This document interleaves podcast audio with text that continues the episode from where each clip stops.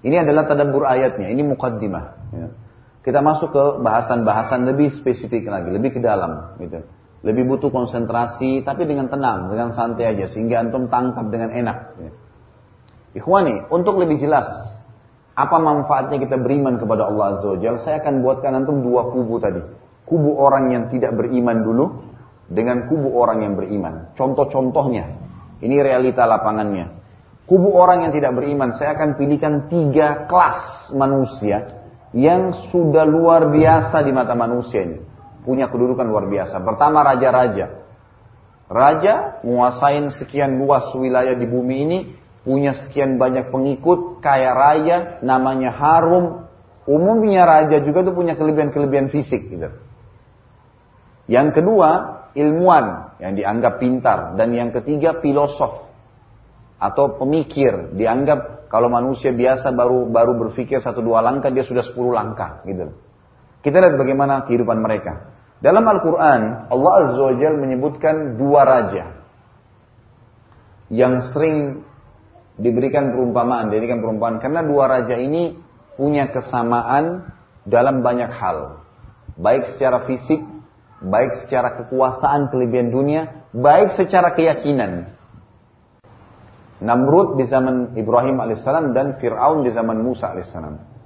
Dua raja yang sudah masyhur namanya ini, tapi yang paling yang sering didengar malah Fir'aun karena Fir'aun sampai sekarang muminya masih ada. Kalau Namrud memang Allah nggak kekalkan, gitu kan?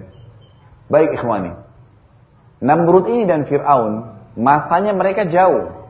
Karena ini masa Nabi Ibrahim zaman Nabi Musa alaihissalam. Musa ini cucu kesekiannya Nabi Ibrahim alaihissalam. Jauh di bawah gitu.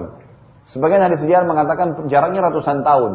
Tetapi dua raja di dua masa Nabi ini sama. Ada persamaan. Pertama persamaan fisik. Dua-duanya raja ini tinggi, putih, gagah, kekar. Kelebihan yang luar biasa laki-laki harapkan. Bagaimana kalau ada seorang laki-laki kita tahu di sini tinggi, kekar tubuhnya, putih, gagah orangnya. Sempurna secara fisik. Keturunannya banyak. Orang biasa berbangga dengan keturunan yang banyak. Kaya raya. Tidak ada yang kalahin kekayaannya pada saat itu. Kekuasaannya menguasai seluruh dunia. Setengah dunia, maaf. Menguasai setengah dunia. Namrud itu ibu kotanya di Babilonia, seluruh Asia dulu di bawah kekuasaannya, setengah dunia. Rusia, Afghanistan, Irak, semua Cina, sampai kita Indonesia mungkin zaman Namrud semua dikuasai sama dia. Fir'aun sama juga, setengah dunia yang lain.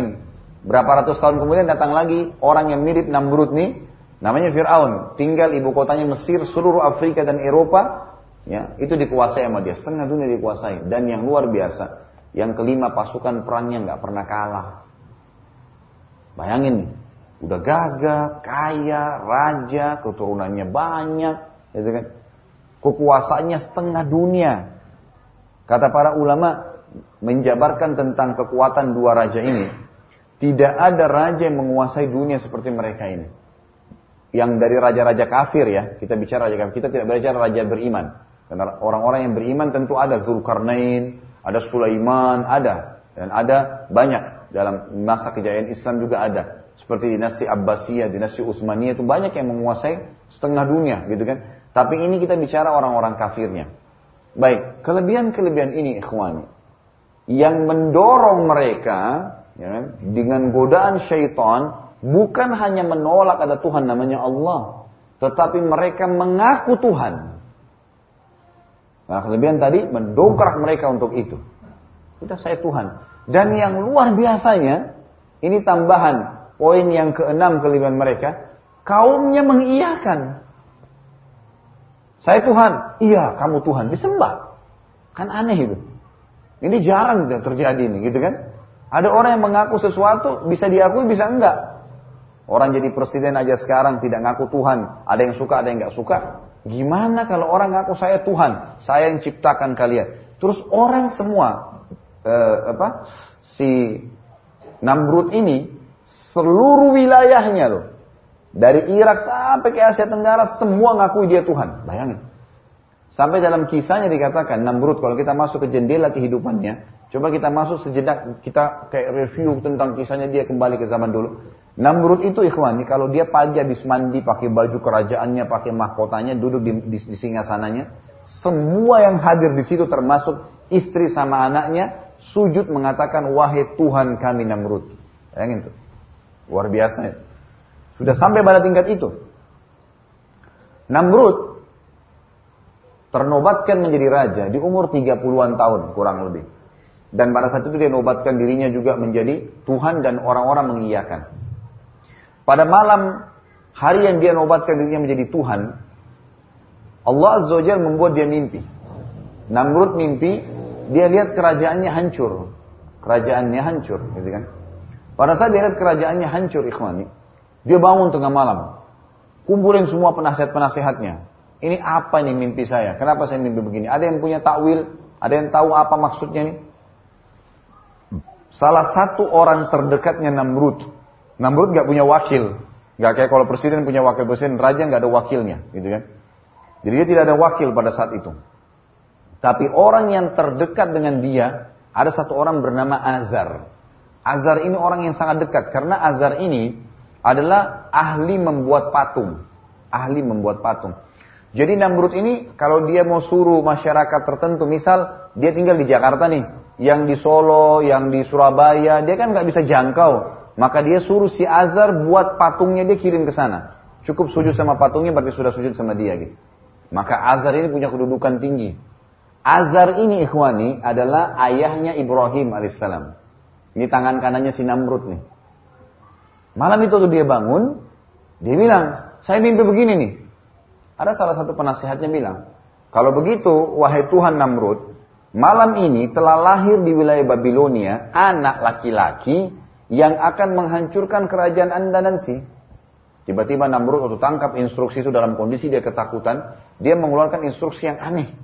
Dia bilang, kalau begitu semua anak laki-laki yang lahir malam ini, waktu dia terima informasi ini maksud saya, maka dia keluarkan instruksi yang aneh, dia bilang, kalau buka, semua anak laki-laki yang lahir malam ini dibunuh.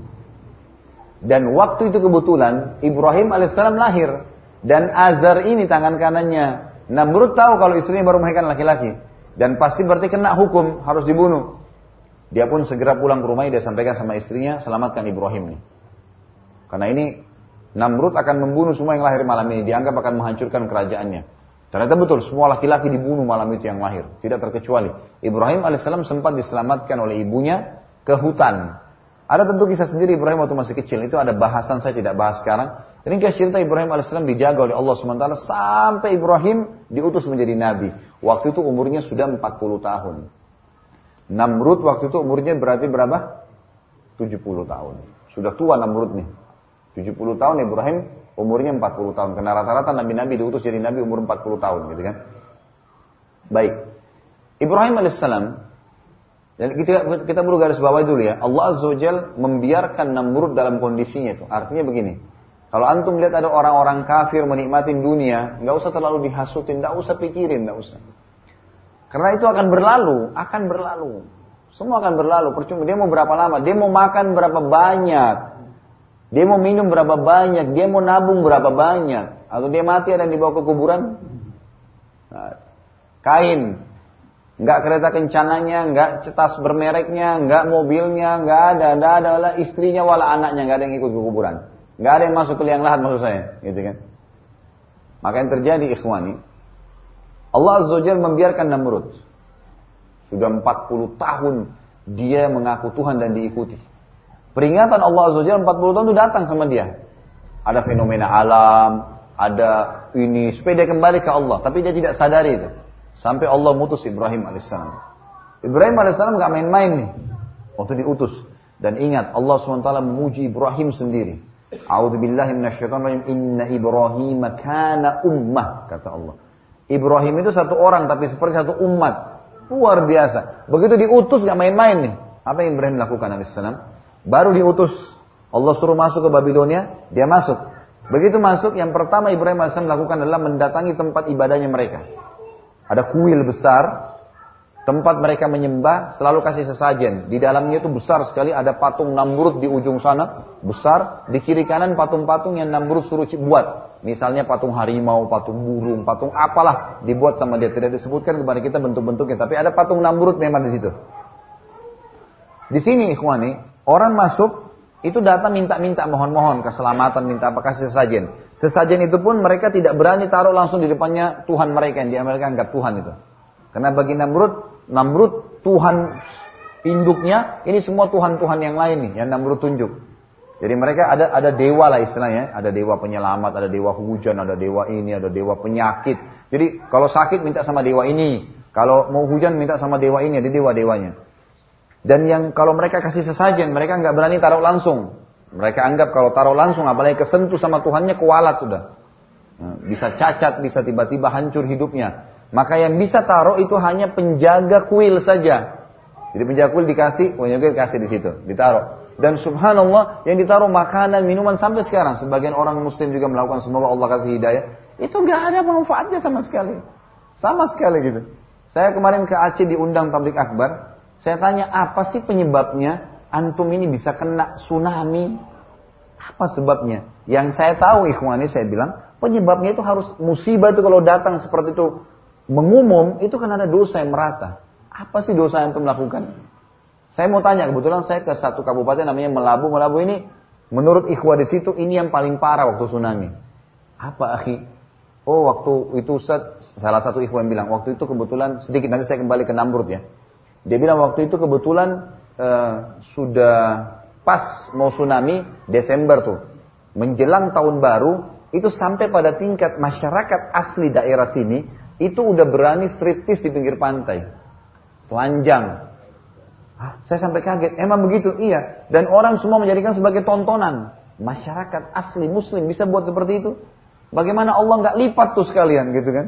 Ini merata semuanya. Apa yang lain akhirnya? Di sini selalu mereka kalau Ramadan mereka berhenti memancing biasanya, nelayan karena pinggir pantai, gitu kan? Dan kalau habis Lebaran Idul Fitri, Sebelum mereka menurunkan kapal-kapal mereka, mereka memberikan sesajen. Taruh makanan, ayam goreng lah, buah lah, segala di batang pisang, diteburin di laut. Bukan karena Allah ya. Ini Allah nggak pernah perintah kalau Allah kan mungkin dia kasih makan orang susah, itu kan?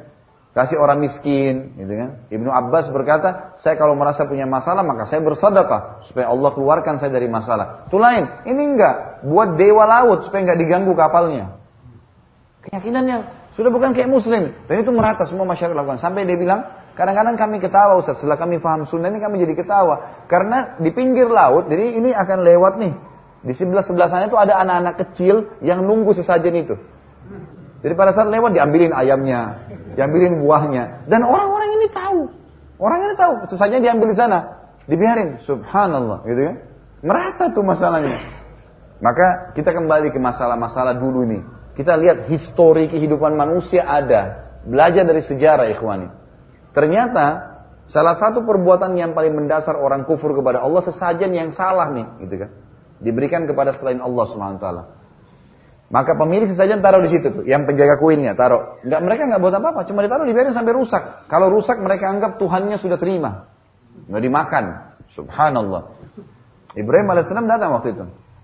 Apa yang beliau lakukan? Beliau datangin patung itu di depannya kaumnya. Kebetulan waktu itu patung-patung ini ada di tempat agak tinggi, jadi harus orang naik ke atas untuk taruh sesajen, gitu kan? Ibrahim alaihissalam naik ke atas itu, orang lagi banyak ngumpul nih. Naik ke atas, tanpa ngomong, tanpa apa, mengambil satu buah apel di situ yang ada, di sesajen tuh. Sama Ibrahim digigit langsung. Di depan mereka. Ini mustahil terjadi bagi masyarakat Babilonia waktu itu. Masyarakat Babilonia mustahil lakukan ini. Sentuh Tuhannya aja dianggap kualat, ini ngambil sesajen. Berani luar biasa nih. Menurut mereka, sama Ibrahim diambil dimakan, digigit. Lalu Ibrahim balik ke arah patung itu bilang, Wahai yang dianggap Tuhan oleh masyarakat Babilonia. Hmm. Kau tidak marah saya ambil apelmu? Kira-kira patung nyaut nggak? Diulangi lagi. Wahai yang dianggap Tuhan oleh masyarakat bagaimana? Kau nggak marah saya ambil apelmu? Supaya orang dengar sengaja. Orang pada dengar semuanya. Orang mau lihat ini aneh perilakunya belum pernah. Berpuluh tahun nih masalahnya. Lalu kata Ibrahim yang ketiga kali, wahai yang dianggap Tuhan oleh masyarakat Babilonia, gitu kan. Kau tidak marah saya ambil apelmu? Tentu tidak ada sautan kan? Sama Ibrahim dibuang tuh di mulutnya. Beliau tidak makan memang, bukan tujuannya makan gitu kan. Beliau buang gigitan itu lalu beliau ambil apelnya dilempar ke patungnya. Kena mukanya patung, sengaja dilempar kena mukanya jatuh apel itu. Jelas nggak bisa apa-apain patung kan? Dia bilang, wahai Tuhannya Babilonia, kau nggak marah, nggak bisa lawan saya, saya lempar mukamu nih. Gitu kan. Ada sautan. Lalu Ibrahim alaihissalam pindah ke patung yang sebelah. Dewa yang lain lagi nih. Sama. Dilakukan, dilemparin. Nggak ada. Kau nggak nyaut. Kamu nggak nyaut. Kamu nggak nyaut. Semua dikelilingi. Sampai Namrud pun patung yang besar didatangin. Dilemparin mukanya sama Ibrahim alaihissalam. Ini orang-orang ini nyaksikan semua. Dan malam itu malam mereka beribadah. Lalu Ibrahim alaihissalam sudah kelilingin semua. Tidak tertinggal satu pun. Lalu Ibrahim mengatakan. Wahai kaum. Apa yang kalian sembah ini? Patung yang kalian pahat sendiri karena anggap Tuhan, Tuhan kalian Allah yang menciptakan langit dan bumi. Maka orang diam pada saat itu. Kata Ibrahim, kalau kalian tidak mau meninggalkan Tuhan-Tuhan ini, saya akan buat tipu muslihat buat Tuhan-Tuhan kalian. Mereka masih belum tangkap Ibrahim mau buat apa nih. Dan Ibrahim ini tidak dikenal di situ. Dia tinggal dari luar Babilonia, besar di hutan gitu kan. Maka yang terjadi ikhwani, orang semua bubar dah. Orang nggak pedulikan Ibrahim. Tapi mereka pulang berpikir, Ibrahim alaihissalam turun dari kuil itu ke rumahnya, ngambil eh, keluar, ngambil kampak. Ini orang sudah bubar semua, Ibrahim baru sampai lagi. Penjaga kuil lihat, Ibrahim bawa kampak. Penjaga kuil ini sudah ketakutan. Dia sendiri sudah punya sebuah pemahaman, ini Tuhan. Tuhan itu disentuh aja sudah kualat gitu kan. Ini Ibrahim bawa kampak, dia takut dilihat dari luar pintu. Sama Ibrahim naik di tebasin kepalanya patung yang ini, ini tangannya dipotong, ini kakinya dipotong. Semua dihancurin sama dia kecuali satu, patungnya Namrud yang paling besar. Sama Ibrahim kepalanya ditaruh, tangannya ditaruh, digantung-gantungin di situ. Terus kampaknya diselipin di tangannya patungnya Namrud. Udah ini hancur semua nih, berantakan kuil itu, gitu kan? Maka pulanglah Ibrahim, keluar dari situ. Besok pagi mereka mau sembah lagi, lihat Tuhannya semua berantakan. Dalam Al-Quran mereka mengatakan, Man fa'ala bi alihatina. Siapa yang buat pada Tuhan kami seperti ini? Maka si penjaga kuil bilang, ada satu anak yang tadi malam tuh, yuqalu lahu Ibrahim, namanya Ibrahim tuh. Mereka bilang, panggil-panggil Ibrahim nih. Ini Ibrahim sudah ngaur, buat apa pada Tuhan-Tuhan kami? Mereka masih belum tersentuh juga nih. Ibrahim AS datang, iya kenapa? Mereka bilang, Hai Ibrahim, a'anta fa'alta hadha bi alihatina ya Ibrahim? Kau buat ini pada Tuhan kami Ibrahim? Kata Ibrahim apa? Bal fa'alahu kabiruhum hadha. Fas'aluhu in kanu yantikun. Kenapa tanya saya? Yang pegang kampak siapa? Gitu. gitu. Itu kan kampak di tangannya yang besar tuh. Tanya dia kalau dia bisa ngomong gitu. Maka Allah mengatakan farajo ila anfusin. Mereka hanya kembali ke diri mereka sendiri. Kalau mereka saling ngomong, kayaknya bener nih orang ini nih, gitu kan? Kita yang salah nih. Di kampak-kampaknya tidak bisa melawan, ngapain kita sembah gitu kan? Tapi ada satu orang syaitan masih menghiasi subhanallah perbuatan mereka, gitu kan? Satu orang yang bilang kita harus lapor kepada Tuhan besar kita, Namrud. Ibrahim bilang nggak usah ngelapor, saya ke sana.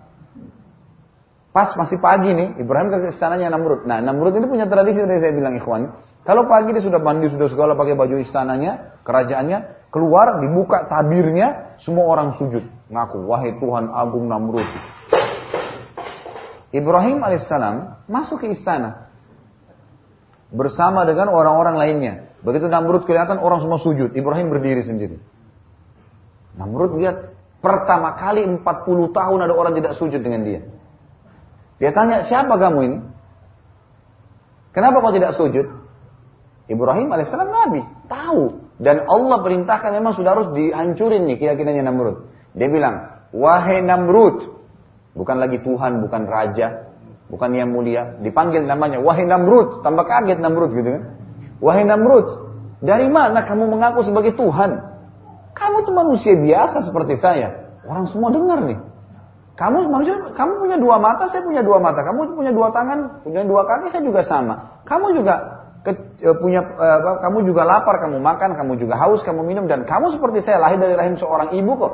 Kamu bayi, anak-anak, remaja, tua seperti kamu dan kau akan mati. Wahai Namrud. Begitu ini. Yang menciptakan kamu, saya dan semua ini adalah Allah. Allah itu menghidupkan dan mematikan. Namrud waktu itu terpukul, tapi dia nggak mau tunjukkan kekalahannya di depan para pengikutnya. Lalu dia mengatakan, wahai Ibrahim, kalau kau bilang Tuhanmu itu bisa menghidupkan dan mematikan, saya juga bisa. Saya punya bukti. Kau mau buktinya? Kata Ibrahim, tentu saja, buktikan. Dia bilang sama pengawalnya di pintu istana, tangkap tuh dua orang di pinggir jalan yang lagi lewat. Ada dua orang lewat, datang laki-laki ditangkap. Kata Namrud, satu bunuh, satu biarin pergi. Yang satu yang biarin pergi kasih hadiah, kasih apa pun yang dia mau. Maka satu dibunuh, satu dibiarin pergi. Kata Namrud, lihat saya mematikan, saya juga menghidupkan. Tentu ini kebutuhan ikhwani ya. Karena orang yang disuruh pergi sudah hidup sebelumnya kan. Tapi begitu kebodohan dia, secara manusiawi dia menganggap tidak mungkin salah gitu. Dan yang mati sudah sunnatullah ditusuk mati. Sudah selesai memang. Lalu Jibril AS datang mengatakan kepada Ibrahim, ini orang sudah nggak bisa dibantu, nggak bisa lagi dimain-mainin gitu loh. Dia kalau kalau dikasih fakta lapangan bumi ini dia akan cari terus alasan tuh. Kata Jibril AS, Tuhan mau menyuruh kamu tantang dia di langit. Kata Ibrahim, wahai Namrud, Tuhanku dan Tuhanmu. Bukan cuma Tuhanku dia bilang, memang ngajak Namrud terus sadar. Dan Tuhanmu serta Tuhan segala sesuatunya setiap hari memindahkan matahari dari timur, menerbenamkan di barat. Apa kau bisa? Ini dari selangit nih sekarang. Apa kata Allah? Fabuhitalladzi kafar. Terdiam orang kafir itu. Mau nyaut apa? Bisa didatangin matahari sama dia? Nggak bisa. Sudah jauh di atas nih. Ini tiap hari fenomena alam. Bisa nggak? Nggak bisa. Dia merasa terpukul nih. Dia bilang sama pengawalnya, tangkap nih orang. Penjarain. Ibrahim di penjara. Dia langsung segera, ini pertemuan khusus sama pengawal-pengawalnya ini saya mau bunuh Ibrahim. Harus mati. Tapi jangan mati biasa. Kalau cuma tebas lehernya, tusuk udah biasa. Itu cincang-cincang udah biasa dilakukan. Saya mau mati yang spektakuler. Yang luar biasa. Orang-orang tidak berani lagi membantah ketuhanan saya. Musyawarah, musyawarah, musyawarah. Sampai akhirnya ketemu cara membunuh yang paling menyedihkan adalah membakar. Orang kalau dibakar, lama matinya dan berteriak-berteriak. Kesakitan. Sekuat apa pun manusia kalau kena api berteriak. Itu kan. Nggak mungkin kulitnya terbakar. Kalau kulitnya pun terbakar, masih ada lagi dagingnya, masih ada tulangnya, sampai dia mati. Itu, itu bahaya. Namur bilang, pemikiran yang bagus. Buat api, sebesar apa pun. Dibuatlah api pada saat itu setinggi istananya Namrud.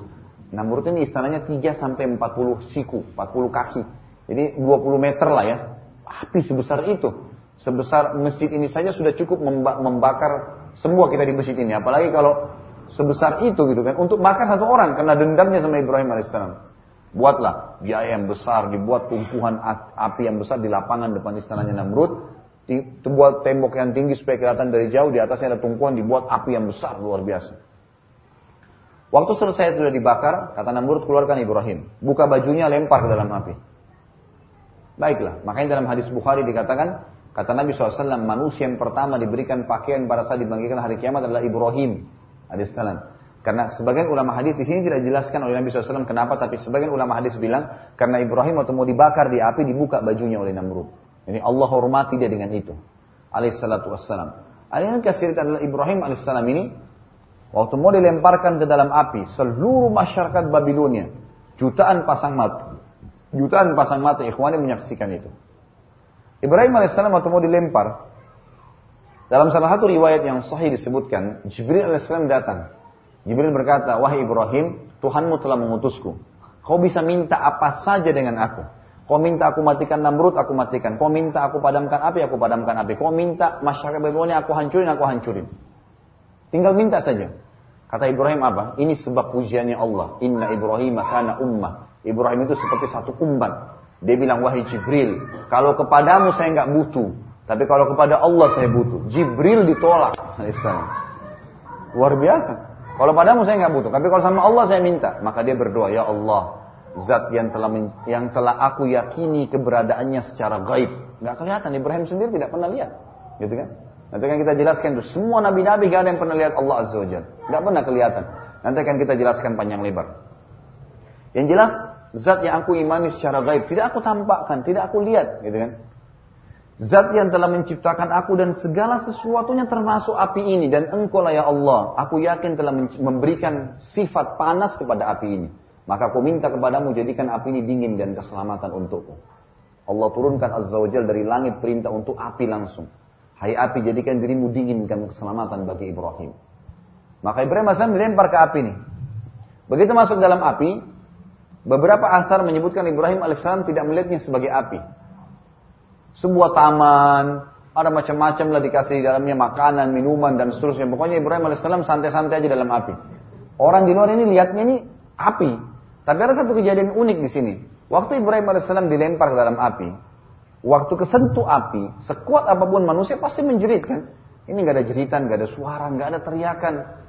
Dan ada satu perintah di sini instruksi dari Allah Azza kepada Ibrahim alaihissalam itu untuk menggerak-gerakkan tubuhnya. Jadi Ibrahim alaihissalam itu gerak-gerakin tubuhnya waktu dia lagi dilempar tuh.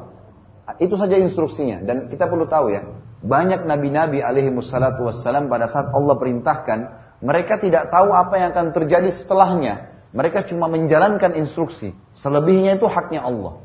Dan mereka kena beriman sama Allah jalanin. Pokoknya Allah bilang A, A, B, B. Lakukan, lakukan, tidak, tidak. Begitu. Dan ini sifat orang beriman, ikhwan. Perhatikan. Apa yang Allah perintahkan kerjain dulu. Ada hikmah, ada hikmah, ada urusan. Pokoknya Allah perintahin. Itu iman kepada Allah. Itu polanya. Ibrahim AS cuma dibilang disuruh pada saat itu masuk ke dalam api. Udah lemparin, setujuin, disetujuin sama Ibrahim AS.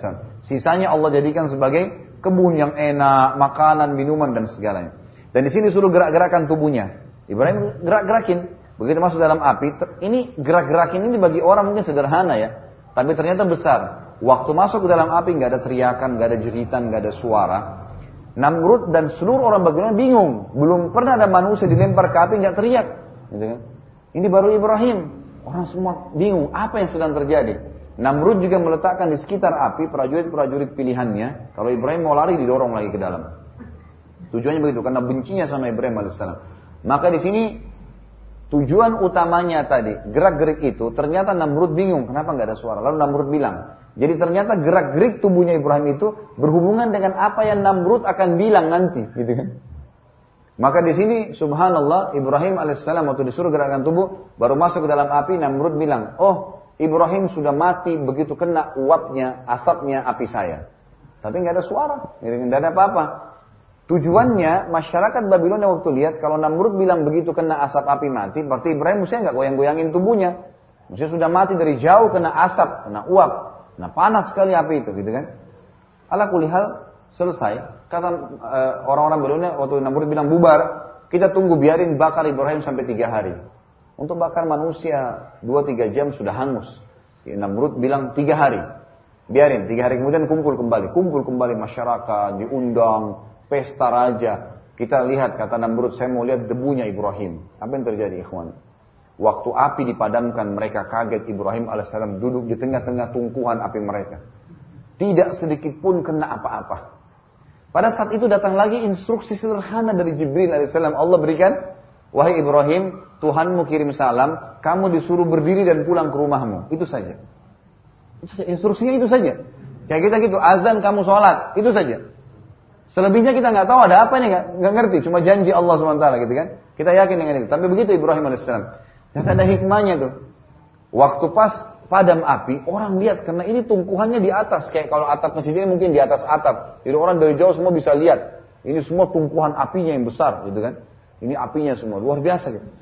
Lalu waktu Ibrahim alaihissalam di atas tumpuhan duduk, sempat ada statement dilempari oleh sebagian masyarakat, oh Ibrahim terbakar kaku tuh. Artinya duduk itu sudah terbakar sebenarnya, gitu ya. Subhanallah instruksi Allah Ibrahim Ibrahim nggak ngerti apa-apa nih. Ibrahim alaihissalam tidak tahu apa-apa.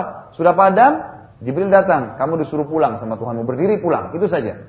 Waktu Ibrahim berdiri, membantah semua statement tadi Babilonia yang mengatakan apa? Ini orang mati kaku terbakar, cuma berdiri pulang. Itu itu sudah cukup menjadi jawaban buat mereka. Nggak usah repot-repot, eh saya nggak mati, nggak. Berdiri pulang. Sederhana sekali, gitu kan? Sederhana sekali. Subhanallah waktu dia pulang orang Babilonia bilang Ibrahim nggak mati, gitu kan? Tersebar berita waktu itu Namrud yang selama ini kita anggap Tuhan tidak bisa membunuh Ibrahim dan Tuhannya Ibrahim lebih kuat, bisa membuat api tidak membakarnya. Hampir masyarakat dunia semuanya beriman waktu itu, mau beriman kepada Ibrahim alaihissalam. Namrud ini karena membangkang, gitu kan? Dia pulang ke rumahnya, istananya bingung, semalam suntuk, nggak bisa tidur. Ini apa ini, gitu kan? Dan tentu secara akal sehat ikhwani, kalau orang dibakar dengan api nggak mempan, kira-kira masih mempan nggak kalau ditebas pakai pedang? Hah? Jadi Allah Azza wa biasa membiarkan orang kafir melakukan upayanya yang paling besar nanti Allah batali dengan hal yang kecil. Jadi kalau sudah dibakar sama api saja tidak bisa mempan, apalagi kalau pakai pedang. Nggak bakal mungkin bisa mempan. Ini sudah sesuatu yang paling berat. Namrud bingung semalam itu nggak bisa tidur. Kemudian dia besok pagi, subhanallah dalam hadis Bukhari dikatakan Allah Azza wa utus kepadanya ya lalat. Yang lalat ini sebagian ulama menafsirkan dengan nyamuk, tapi yang tepatnya itu lalat sebenarnya. Jadi lalat itu datang dan subhanallah masuk ke lubang hidungnya Namrud sampai ke otaknya. Di dalam masuk dengan hikmah Allah masuk dalam sini. Tinggal tiga hari. Dia siksa Ibrahim tiga hari, dia tiga hari itu. Ngalatnya ditepuk-tepuk nggak mau keluar. Di dalam tinggal dalam. Dengan hikmah penciptanya bisa hidup dalam sini tiga hari. Kesakitan teriak-teriak nggak bisa makan, nggak bisa minum. Kira-kira ikhwani. Satu lalat bisa dilawan sama pedang yang tajam? Hah? Ada yang bisa tebas lalat dengan pedangnya? Bisa dilawan dengan seribu pasukan, punya kekuatan otot? Lalat, Allah hinakan Namrud. Dan subhanallah selama tiga hari sakit teriak-teriak, gak ada bisa buat apa-apa kecuali diiris, mati Namrud berarti. Gak bisa. Akhirnya keplak-keplak jatuh, hari ketiga subhanallah meninggal dunia. Waktu Namrud jatuh meninggal dunia karena lalat tadi, dia jatuh, orang-orang dekat dia ini pada dekatin semua. Dan dengan hikmah Allah mereka lihat tuh lalat keluar dari hidungnya. Keluar tuh hidung lalat, sampai mereka tahu, Allah memang sampaikan pesan kepada mereka bahwa yang membunuh lalat tentu Allah Azza Tapi melalui perantara si lalat tadi tersebar berita Tuhan Namrud mati dibunuh oleh lalat. Habis sudah. Gitu kan? Apa nih teleponnya bunyi. Jadi kita lihat ini akhir hidupnya seorang raja yang kaya, gagah, punya keturunan, wilayah kekuasaannya setengah dunia, pasukan perang yang nggak pernah kalah, diakui oleh masyarakatnya sebagai Tuhan, bayangin. Akhir hidupnya mati dengan seekor lalat. Habis ceritanya. Dan ikhwani, ingat, kalau antum pernah sekolah S1 atau S2 ataupun afwan sudah sampai S3, kita dalam menulis skripsi, tesis atau disertasi, biasanya kalau di Indonesia kita umumnya ya, kalau Timur Tengah tidak tidak pakai sistem itu. Tapi di, di Asia ini, terutama di Indonesia, biasanya kita pakai sistem penelitian lapangan. Dan dalam penelitian lapangan itu, kita ada namanya mengambil sampel-sampelnya, gitu kan. Baik, kalau saya mau tahu masyarakat Solo atau masyarakat sekitar sini, misalnya ini Solo apa, Solo Selatan misalnya, masyarakat sekitar sini itu apa sih kebiasaannya, apa pekerjaannya? Saya nggak mungkin ngomong satu-satu orang, kebanyakan datangin RT atau RW, tanya, ini kan, oh seperti inilah, itu sudah cukup, gitu kan? Ini sudah mewakili. Jadi maksudnya begini, cerita Namrud ini sudah mewakili semua raja, sudah mewakili semua pengusaha, tidak semua orang minum khamr ikhwani meninggal itu badannya meletup-meletup, rusak kulitnya, enggak semua. Tapi Allah datangkan kadang-kadang satu orang saja. Ketemu busuk badannya, rusak badannya. Itu sudah jadi, itu contoh. Allah bilang begini loh orang kalau mati khamr. Tapi enggak semuanya. Kalau kalau semua orang begitu enggak ada lagi orang yang jahat. Allah memang mau uji. Ini buruk, ini jahat. Lihat Liyabluwakum ayyukum ahsanu amala. Allah mau uji mana yang baik, mana yang buruk gitu kan. Ini dijanjikan dengan janji-janji positif, surga, pengampunan, rahmat, rezeki dan seterusnya. Ini dijanjikan dengan azab, siksaan, penyakit, seterusnya masuk neraka. Ya. Ini diuji oleh Allah SWT. Begitulah semuanya. Gitu ya. Tidak semua orang meninggal yang beriman, beribadah, badannya wangi. Enggak. Tapi ada jenazah orang yang meninggal beriman wangi. Ada yang senyum. Cukup, oh berarti begitu semua tuh nanti. Sudah begitu. Jadi walaupun itu orang beriman, ditabrak kereta api kepalanya hancur, itu sudah nggak ada masalah tetap fenomenanya adalah dia bahagia. Itu kata kuncinya, gitu kan? Tidak berpengaruh lagi masalah fisik itu, itu cuma simbolik. Itu contoh. Kita pindah sekarang ke raja kedua, Fir'aun. Fir'aun dan Musa AS. 10 tahun Nabi Musa AS berdakwah. Wahai Fir'aun, wahai Fir'aun, sadarlah, tidak mau. Bahkan Allah mengatakan kepada Musa dan Harun, ya, Izhaba ila Fir'aun wa qula lahu qawlan layyina la'allahu aw yakhsha. Kalian berdua pergi ke Fir'aun tuh. Ini sudah ngaku Tuhan. Ngaku Tuhan, tantang Allah subhanahu wa ta'ala. Allah masih bilang kepada putusannya, Wahai Musa dan Harun, pergilah ke dia dan ucapkan kepadanya kau dan layina. Perkataan baik, lembut, sadarkan dia. Siapa tahu dia mau sadar. Allah begitu ya, sebelum datang satu siksaan yang besar, itu datang lutupan-lutupan kecil dulu, peringatan dulu. Orang sebelum berzina ikhwani, Kalau ada orang mau berzina, itu peringatannya Allah datang apa? Tiba-tiba ada perasaan malu dulu. Malu ah, nggak enak, takut. Kalau dia lewatin itu, ah apa-apa, sembunyi-sembunyi misalnya. Pindah ke peringatan yang kedua. Tiba-tiba kalau dia sudah menikah, pasangannya telepon. Tiba-tiba dilihat oleh temannya. Peringatan dari Allah supaya jangan sampai ke sana. Enggak, dilewati lagi sama dia. Nggak apa-apa sembunyi-sembunyi masuk hotel. Nanti tiba-tiba apa? Ada kebongkar berita apa? Terus sampai akhirnya nggak mau rubuh tuh hotel, mati gitu.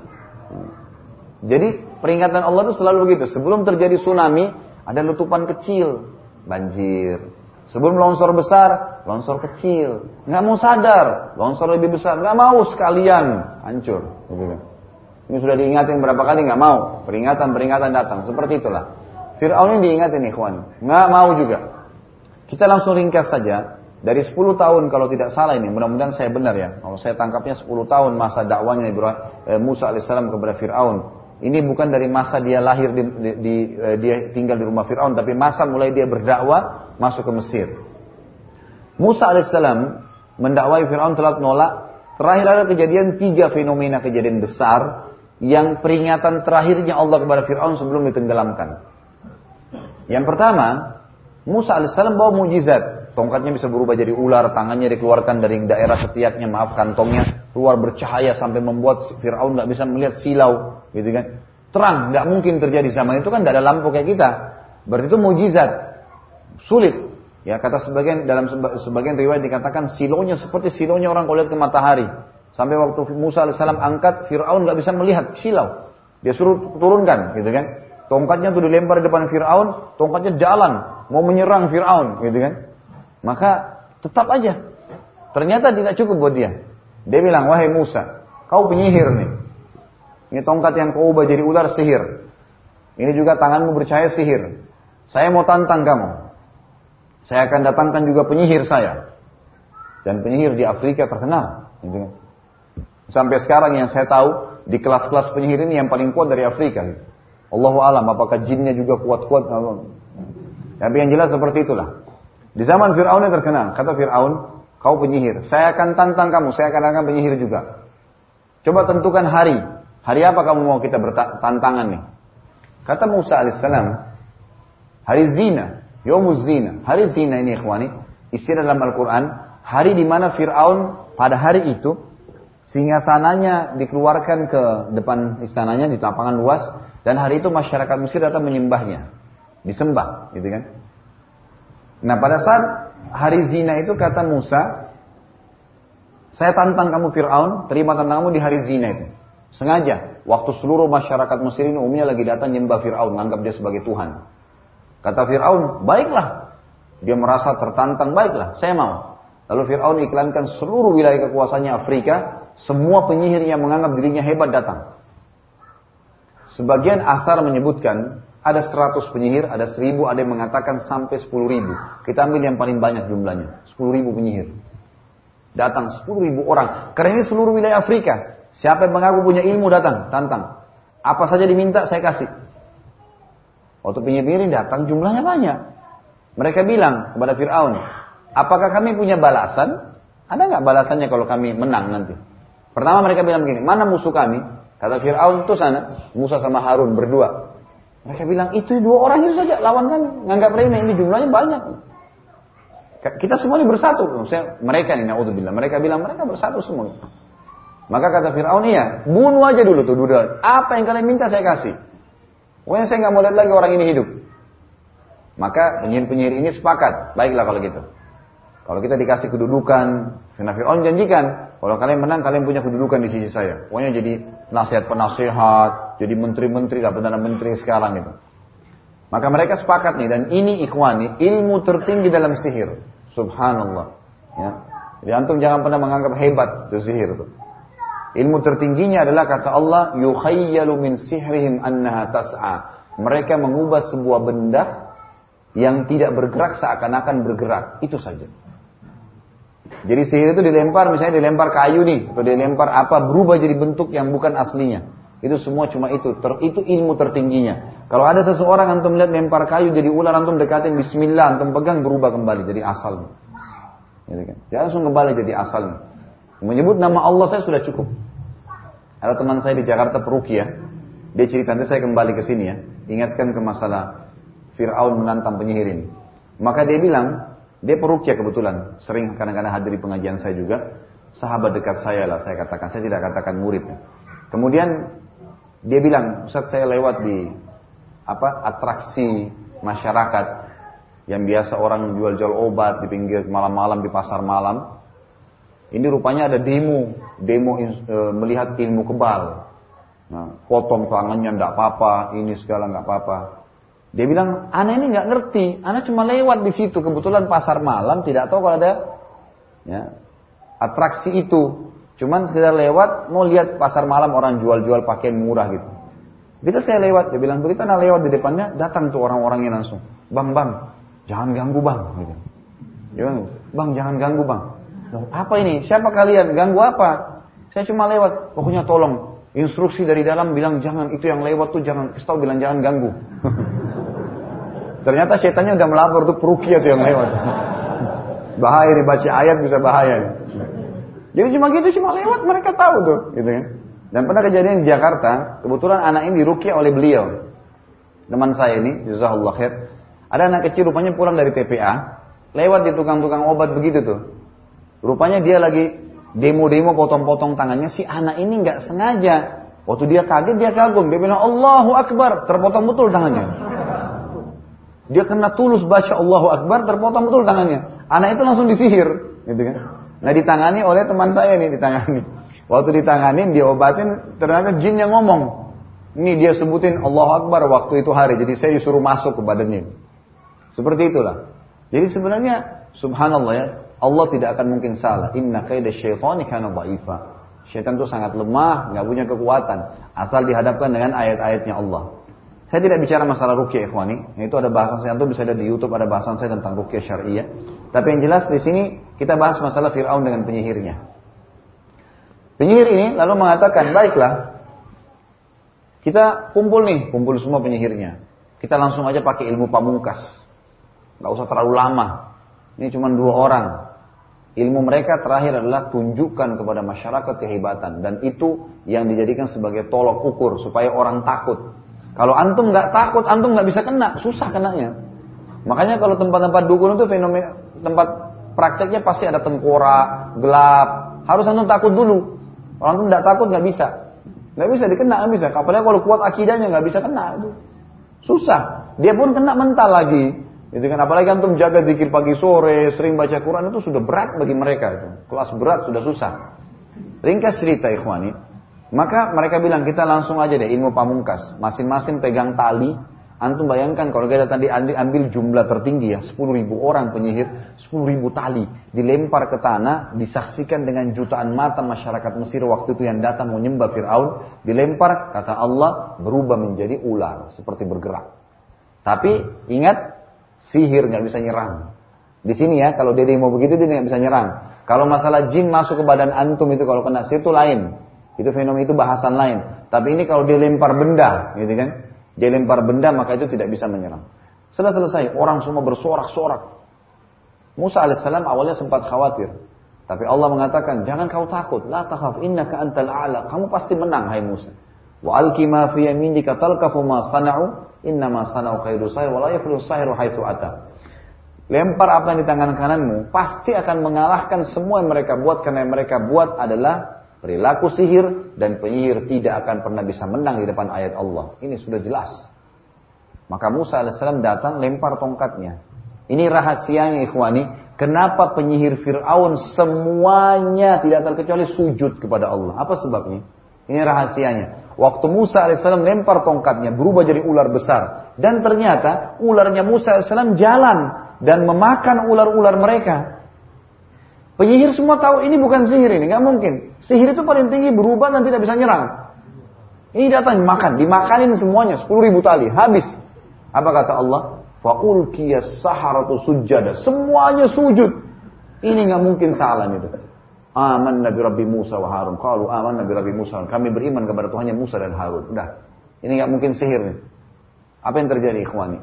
Sepuluh ribu penyihir Fir'aun kalah. Tidak membuat Fir'aun mau beriman. Gak. Ini kejadian pertama. Bahkan Fir'aun mengancam semua penyihirnya dia akan potong tangannya, akan potong kakinya, akan salib. Maka sempat Musa AS kumpul sama mereka. Bagaimana pada kalian akan dihukum nih? Mereka bilang, wahai Musa, sebelum kau datang, kami sudah disiksa sama Fir'aunnya. Sebelumnya memang kami sudah susah hidupnya. Sekarang kami sudah beriman pada Tuhan yang kau tunjukkan untuk apa kami ikut sama dia. Dia bukan Tuhan. Akhirnya mereka tetap kokoh gitu kan, bertahan. Ada tentu cerita lagi kelanjutannya, tapi yang jelas ada beberapa penyihir yang dibunuh oleh Fir'aun. Tapi itu bukan bahasan kita. Kita masuk ke kejadian kedua. Allah uji Fir'aun lagi dengan kejadian yang besar. Lebih besar daripada kejadian tadi. Penyihirnya kalah ternyata tidak cukup. Yang kedua ikhwani, ini berat nih. Allah subhanahu wa ta'ala tahan air hujan di Mesir. Nggak ada hujan, kemarau. Dan pertama kali dalam sejarah Mesir waktu itu, waktu itunya ya, setelahnya pernah terjadi lagi tentunya, Sungai Nil habis airnya. Habis kering. Kita tahu kalau musim kemarau begini tuh turun kan air. Ini habis kering. Sungai Nil itu sumber hidupnya masyarakat Mesir. Nggak ada yang lain. Allah subhanahu wa ta'ala dengan hikmahnya membuat terik kering semua. Fir'aun keluarkan tenaganya, uangnya semua dikeluarin. Digerakin pasukannya, cari air. Datang ke negeri-negeri di sebelah Mesir, di Afrika semua didatangin. Awal-awal bulan pertama, bulan kedua berhasil. Bawa air, bisa minum, bisa mandi. Lama-lama ikhwani, seluruh Afrika kena dikering. Panasan semua. Sampai air pun jadi sedikit, dibayar mahal oleh Fir'aun. Dan air-air itu ternyata karena habis, di sana sudah sedikit, dan bisa cuma dibeli sedikit, dan di Mesir juga sudah habis. Di tengah jalan para jurid Fir'aun minum sendiri airnya. Habis, nggak ada. Sampai tiba, tiba satu hari, pengikutnya salah satu penasihat Fir'aun bilang, Wahai Fir'aun, air sekarang buat anda ini tinggal ini nih satu gelas. Nggak ada lagi, tinggal ini. Kalau ini anda sudah minum, nggak ada lagi air. Jangankan untuk mandi, untuk minum udah nggak ada. Antum perlu tahu ya, saya pernah dulu tahun 89 pernah sekolah SMP di Mesir sebelum ke Madinah.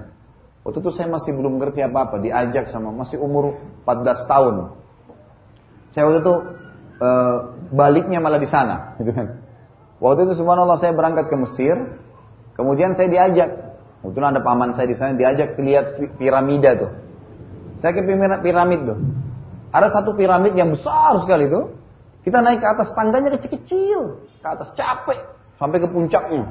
Antum tahu di atas tuh apa ya? Ini saking luar biasanya kekuasaan Firaun waktu itu ya.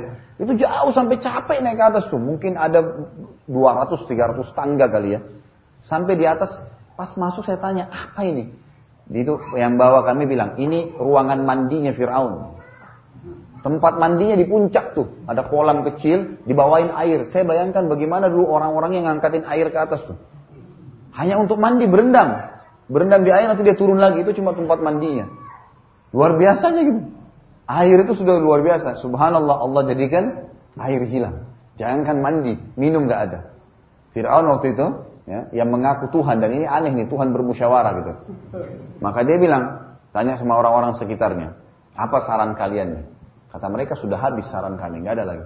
Dana sudah dikeluarin sekian banyak, tenaga sudah, air memang kering nggak bisa. Mau diapain kalau hujan tidak diturunkan dari langit sama Allah? Coba. Ada yang bisa kalian lakukan? Gak ada. Apa yang terjadi ikhwani? Ada satu penasihatnya bilang begini, wahai Fir'aun, masih ada satu jalan yang belum anda lakukan. Fir'aun dengan semangat, apa itu?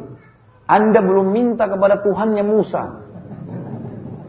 Tinggal itu yang belum, yang lain semua sudah. Subhanallah, ini hikmahnya gitu. Tinggal ini satu. Fir'aun kena ketakutan, ini tinggal ini airnya. Nggak ada lagi air nih. Habis-habis ini, haus sebentar gimana? Mati. Gitu. Maka dia bilang, panggil Musa. Subhanallah, waktu itu Musa tinggal dengan pengikutnya di satu wilayah, yang dengan hikmah Allah, Fir'aun nggak tahu, ada sumur dan Allah buat melimpah airnya. Jadi orang-orang beriman ada airnya, gitu kan? Firaun nggak tahu tapi Musa hidup dengan kaumnya, gitu. Musa AS datang. Kenapa tumben Firaun panggil nih?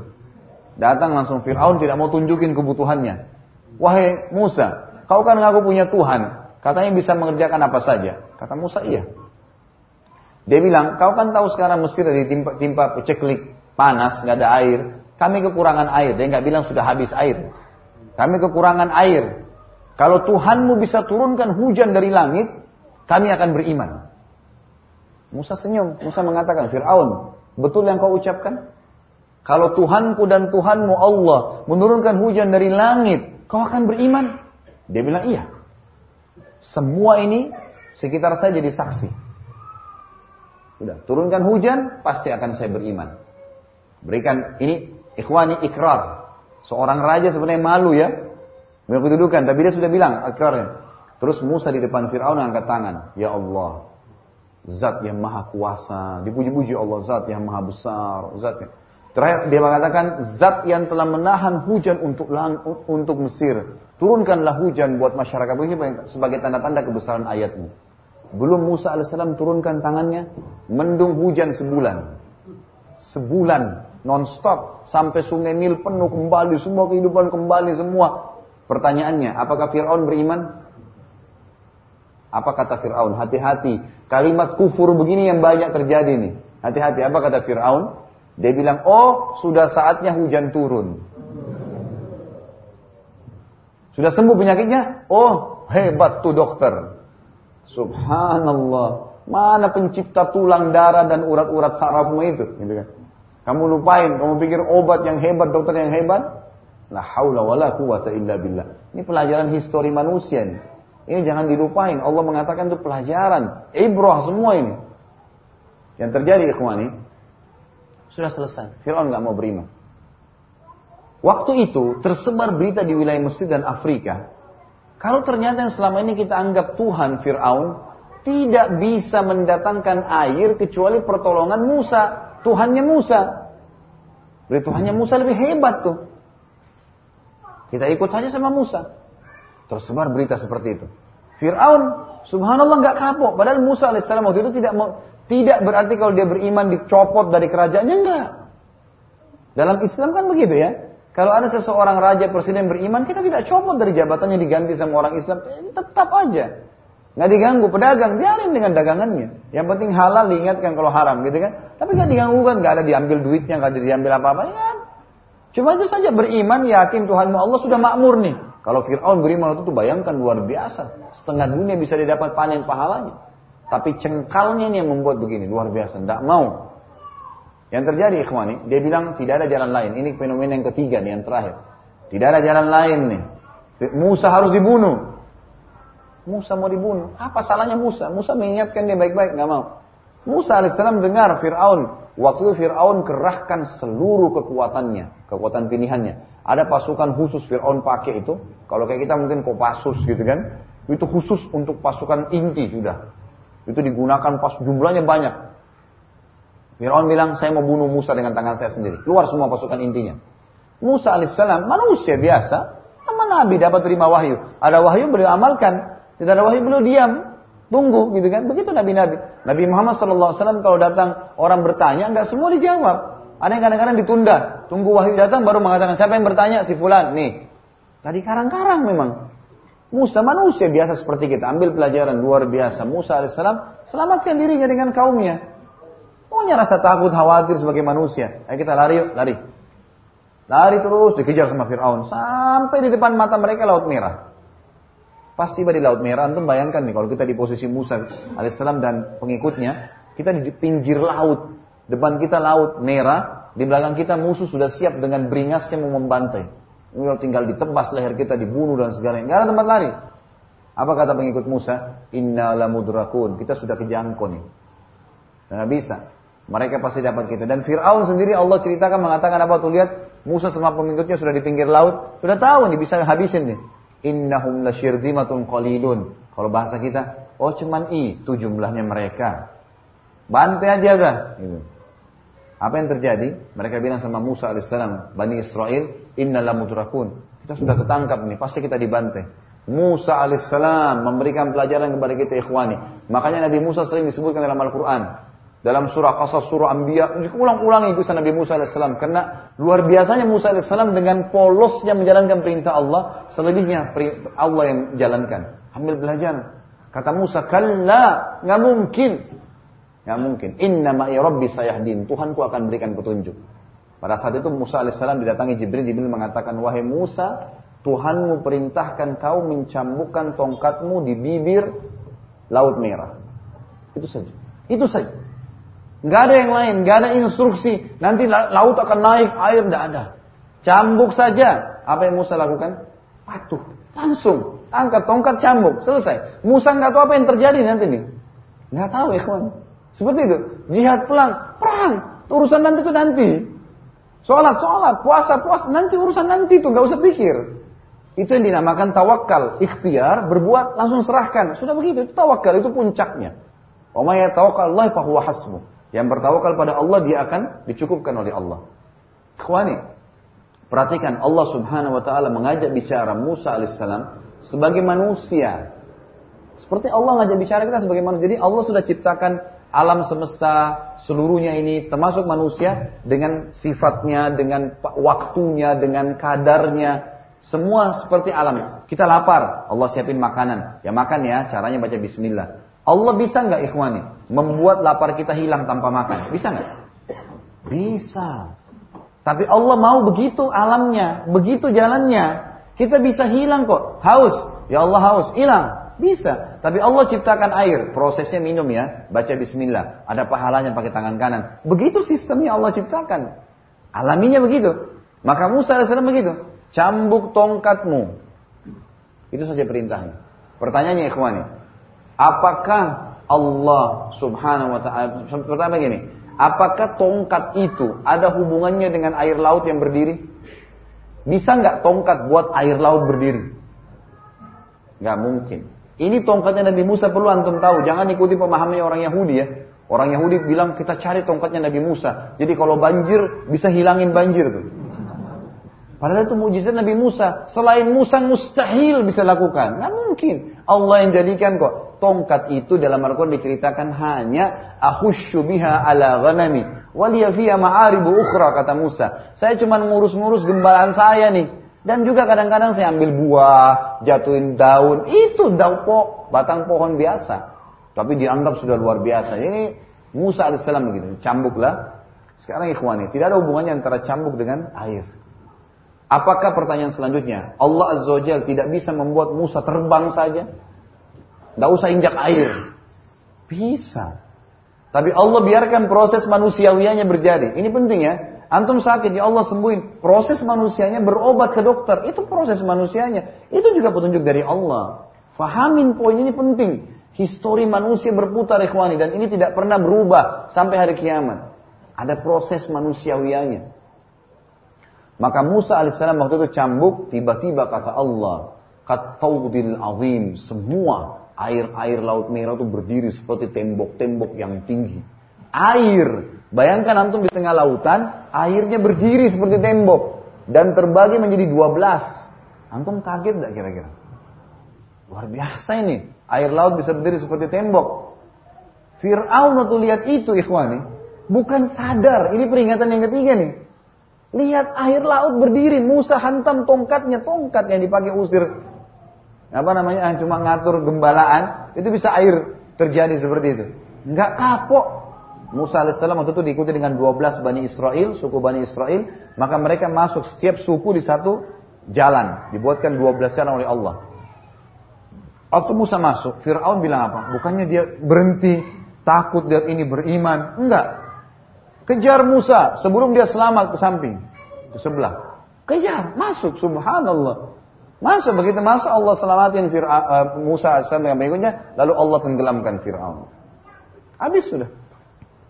Waktu tenggelam, dia lihat sudah hancur semuanya, baru bilang, sekarang saya beriman kepada Tuhan. Dengan tulus ya. Ini luar biasa. Saya beriman kepada Tuhannya Musa dan Harun. Dan tidak bisa, sudah telat. Sudah telat karena waktu itu diucapkan Allah menukil kepada kita karena siapa yang dengar suaranya Firaun waktu itu? Enggak ada. Ada yang dengar? Nggak ada. Di laut, tenggelam. Allah yang nukil kepada kita dalam Al-Quran. Waktu itu sudah proses sakaratil maut. Dia lihat malaikat maut. Dia sudah lihat fakta-fakta itu. Nah, baru dia takut. Saya beriman. Nah, bisa. Jadi ini bukan hanya sekedar karena tenggelam ya. Bukan. Karena sudah menghadapi sakaratil maut. Kan sudah tidak bisa. Kalau sudah balagatil hulkum. Sudah sampai di tenggorokan. Wa antum hina idin tandurun. Karena waktu sudah melihat semua nih malaikat yang diceritain semua sudah datang. Ada depan mata. Maka di situlah Fir'aun baru mengucapkan, gak diterima lagi taubat. Kata Nabi SAW, diterima taubat selama belum sampai ruh di kerongkongan. Ringkas cerita, Allah SWT mengatakan, Hari ini kami akan selamatkan jasad hai Fir'aun agar kau menjadi tanda-tanda kebesaran kami bagi orang yang datang setelahmu. Gitu kan? Seperti itu gambarannya. Maka habislah kisah Fir'aun dan sampai sekarang kita nggak usah jauh-jauh ke Mesir, di search pun di Google kita bisa lihat fotonya mumi Fir'aun sampai sekarang masih utuh. Allah jaga sebagai tanda-tanda kebesaran kebesaran Allah Subhanahu taala. Tentu ini semua ikhwani. Kalau tadi kisah Namrud Allah sebutkan dalam surah Al-Baqarah urutan 2 ayat 258. Itu kalau memang kembali silakan kembali ke ayat itu. Kemudian juga ada tentang Fir'aun itu diceritakan oleh Allah SWT cukup banyak tapi di antaranya surah Al-An'am urutan 6 ayat 301.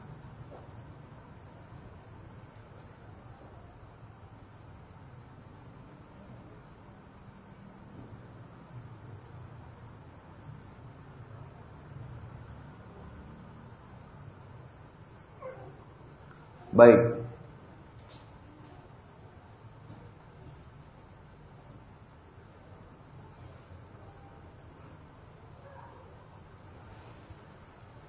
Dari itu kisah Nabi, kisah tentang dua orang raja tadi, Namrud dan Fir'aun selesai.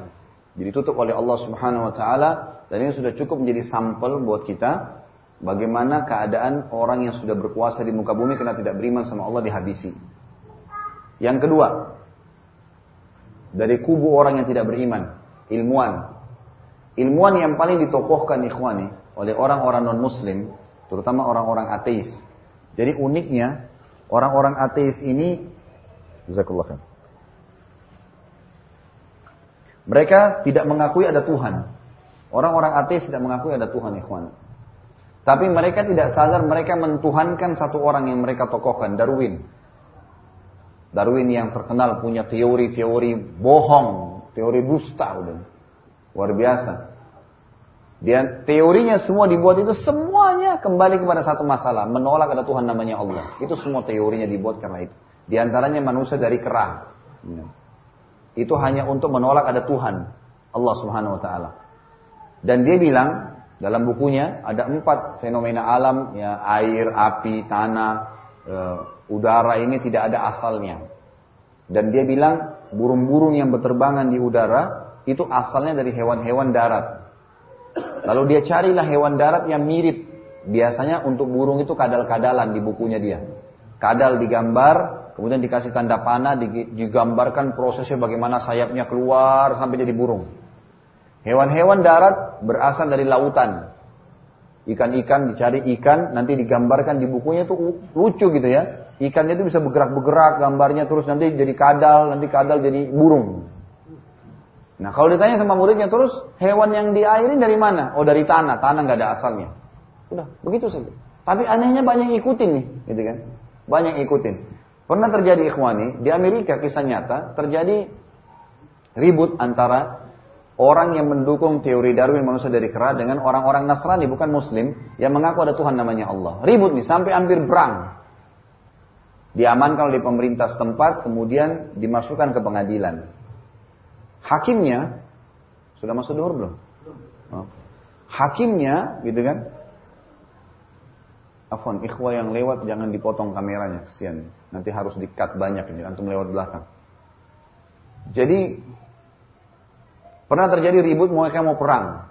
Dimasukkan pengadilan, hakimnya bingung. Ini apa yang harus dipecahin dan bagaimana caranya. Sementara yang diributkan bukan materi, bukan tanah, bukan uang, bukan harta. Ini keyakinan. Bagaimana caranya? Apa yang jadi tolok ukur kebenaran atau kesalahan gitu. Tapi tiba-tiba hakimnya buka ya semin apa pengadilan itu dengan sebuah statement tanpa dia sengaja sekaligus menutup. Dia bilang begini aja, yang mengaku keturunan kera ke sebelah kanan saya. Jadi ini aku yang sebelah kanan, maaf. Ini pada saat itu, bukan maksud saya. Jadi ini waktu itu hakimnya bilang begitu. Anehnya, yang mendukung manusia dari kera tidak mau ke sebelah kanan hakim. Gak ada yang mau datang. Dia tadi dukung teori Darwin. Kalau kita kan beriman sama Allah tahu dari Adam, Adam dari tanah selesai. Semua manusia mau dari suku apa pun kembali kepada Adam dan Hawa. Kan sudah selesai surah An-Nisa ayat 1. Tapi mereka enggak. Ternyata mereka pun menolak kalau dikatakan dari kerah. Anda dari kerah silakan, kita bukan gitu kan. Jadi seperti itu. Baik, Darwin ini tradisinya kalau dia dapat sesuatu ikhwani, dia selalu selalu dia jadikan itu sebagai alasan untuk membenarkan teori dia kepada murid-muridnya. Satu waktu dalam bukunya sampai sekarang masih ditulis oleh dia, Dan saya uh, tangkap ini dari salah satu ilmuwan uh, Harun Rahya Yahya yang menyebutkan dalam bukunya ya, tapi saya tidak saya bukan menjadikan Harun Yahya sebagai rujukan secara khusus, cuman khusus poin ini yang saya tangkap ada positifnya. Dia bilang Darwin itu menulis dalam bukunya sampai dia meninggal sebuah kisah yang sebenarnya membongkar semua kesalahan dia. Sederhana. Dia pernah jalan mau menuju mengajar ke murid-muridnya, lalu dia temukan ada seekor burung merak. Burung merak ini ikhwani, menghadap ke Darwin tidak menyerang tidak apa, kepakin ekornya. Yang kita tahu kalau dia kepakin ekor atau sayapnya itu kan warna-warni macam-macam. Nah Darwin ini selalu tradisinya kalau lihat sesuatu yang unik itu pasti dicari sama dia. Ini kalau hewan da hewan udara berarti hewan darat yang mana mirip, hewan darat yang mana hewan air yang mirip gitu kan. Dia bilang dalam bukunya sampai dia meninggal terus itu masih ada. Dia bilang saya terus muak kalau saya mengingat burung merak yang menghadang jalan saya karena saya tidak tahu dari mana asalnya. Dia bingung, bingung nih, burung merak ini burung bu, jenis burung kah sehingga dia harus cari hewan darat yang mirip atau dia hewan darat tapi mirip burung, harus dicari hewan lautan dan tidak ada yang mirip sama burung merak, gitu kan? Maka seorang ilmuwan yang ditokohkan oleh banyak orang ateis mati karena tidak tahu burung merak dari mana asalnya. Bayangin, sempitnya itu loh. Kita burung merak, gajah, apa saja, apa saja. Semuanya la ilaha illallah. Udah selesai. Kalimat sederhana. Kalimat ringan tapi luar biasa. Gitu kan. Kita masuk ke yang ketiga adalah filosof. Ada satu filosof dari negara Arab terkenal sekali dengan kecerdasannya ikhwan. Ini namanya Yahya Abul Maldi. Saya angkat orang ini karena dia pakai bahasa Arab. Dalam buku-buku akidah juga para ulama mengangkat syairnya. Jadi selama dia hidup ikhwani dia selalu susun syair banyak sekali syair, syair ini isinya semua membantah ada Tuhan namanya Allah. Nggak ada Tuhan Allah, pokoknya nggak ada. Subhanallah, waktu dia mau meninggal, sebelum dia meninggal, dia menyusun 20 saja bait syair. 20 bait syair ini berisikan semuanya membantah syair dia sendiri yang ribuan itu. Allah buat terbalik sendiri. Dia bilang waktu dia mau meninggal, jitu wala adri min aina jitu. Dia bilang saya lahir di muka bumi ini Sampai sekarang ini diranjang sakit keras, saya tidak tahu dari mana asal saya. Saya, ibu saya, ibu saya dari mana, ibunya lagi, ibunya dari mana, ibunya lagi. Mana awalnya nih? Kita kan sudah selesai, Hawa, titik, udah diciptakan dari tulang rusuknya, dari Adam, ya kemudian sudah selesai itu Allah ciptakan dari tanah. Selesai urusan. Ini enggak. Dia bingung. Dia bilang kalimat yang keduanya, fawajadtu amami tarib, masyaitu dzalika syi'tu am abaitu. Lalu saya dapat di depan mata saya sebuah sistem waktu saya hidup ini, sebuah sistem yang saya mau tidak mau harus saya lalui. Seperti misalnya pergantian siang malam. Orang biar suka siang begini, malam pasti datang, nggak ada yang bisa tahan, gitu kan? Orang suka malam, siang pasti datang. Terus fenomena tubuh, lapar, haus, nggak ada yang bisa nolak. Fungsi-fungsi yang kota tubuh, mata melihat, telinga mendengar, udara dihirup oksigen. Kita tutup nih, hidung kita. Meninggal, nggak hidup oksigen. Nah siapa yang ciptakan saya? Siapa yang ciptakan lapar itu? Dan siapa yang ciptakan kebutuhannya, asopannya supaya bisa hilang lapar? Ini nggak bisa diganti yang lain ya. Fungsi yang kedua, misal mata nggak bisa dipakai untuk makan, telinga nggak bisa dipakai untuk bernafas. Memang sudah begitu fungsinya masing-masing. Ini dari mana sistem ini?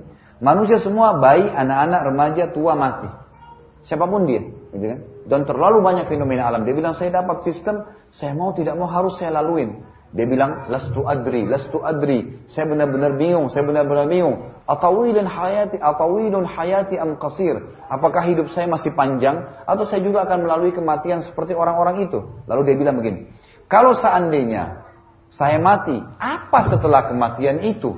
Apakah hanya sekedar dimasukkan ke tanah dan selesai? Hanya tinggal kenangan namanya, atau ada sebuah kehidupan? Lalu dia bilang, selama saya hidup, kalau kira-kira saya buat perbuatan baik, siapa yang menilai perbuatan itu baik? Dan siapa yang akan membalasnya? Dan kalau saya berbuat buruk, siapa yang menilai itu buruk? Dan siapa yang akan menghukumnya? Tolok ukurnya siapa nih? Gitu kan? Kalau kita ikut tradisi masyarakat lain-lain. Mungkin tradisi kita anggap baik, tradisi suku lain enggak, gitu kan?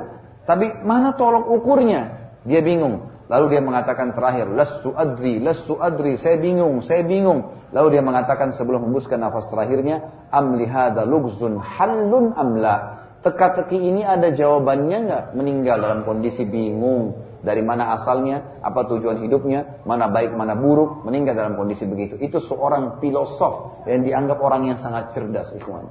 Orang yang beriman sama Allah biar tidak sekolah SD, tahu dari mana asalnya, tahu apa ujungnya. Dari Adam, kehidupan di dunia mana halal haram sudah ditahu.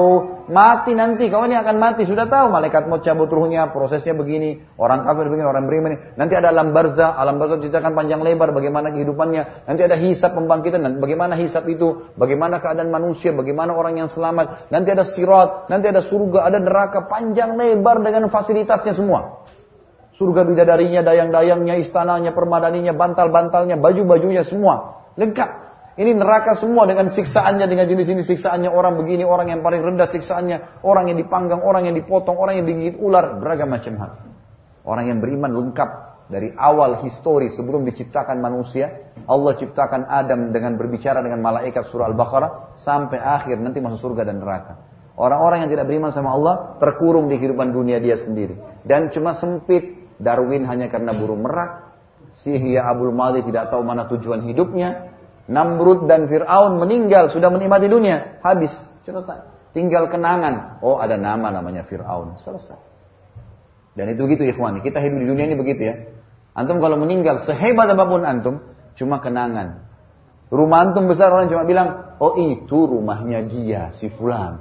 Oh itu sepatunya, oh itu mobilnya, oh itu istrinya, oh itu suaminya, oh itu anaknya. Selesai. Habis ceritanya. Dan kata Nabi SAW, kalau orang meninggal dunia ikut di kuburannya, tiga. Keluarganya, hartanya, dan amalnya. Dan akan pulang dua.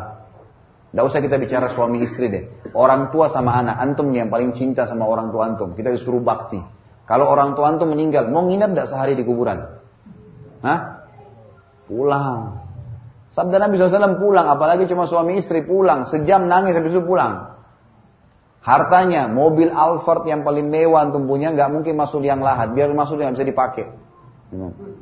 Pagar kuburan pulang jadi warisan. Yang nemanin kita nih majelis ilmu, sholat, ya semua ibadah yang sudah dilakukan disampaikan, semua yang sudah jelas puasa, zakat, haji dan seterusnya.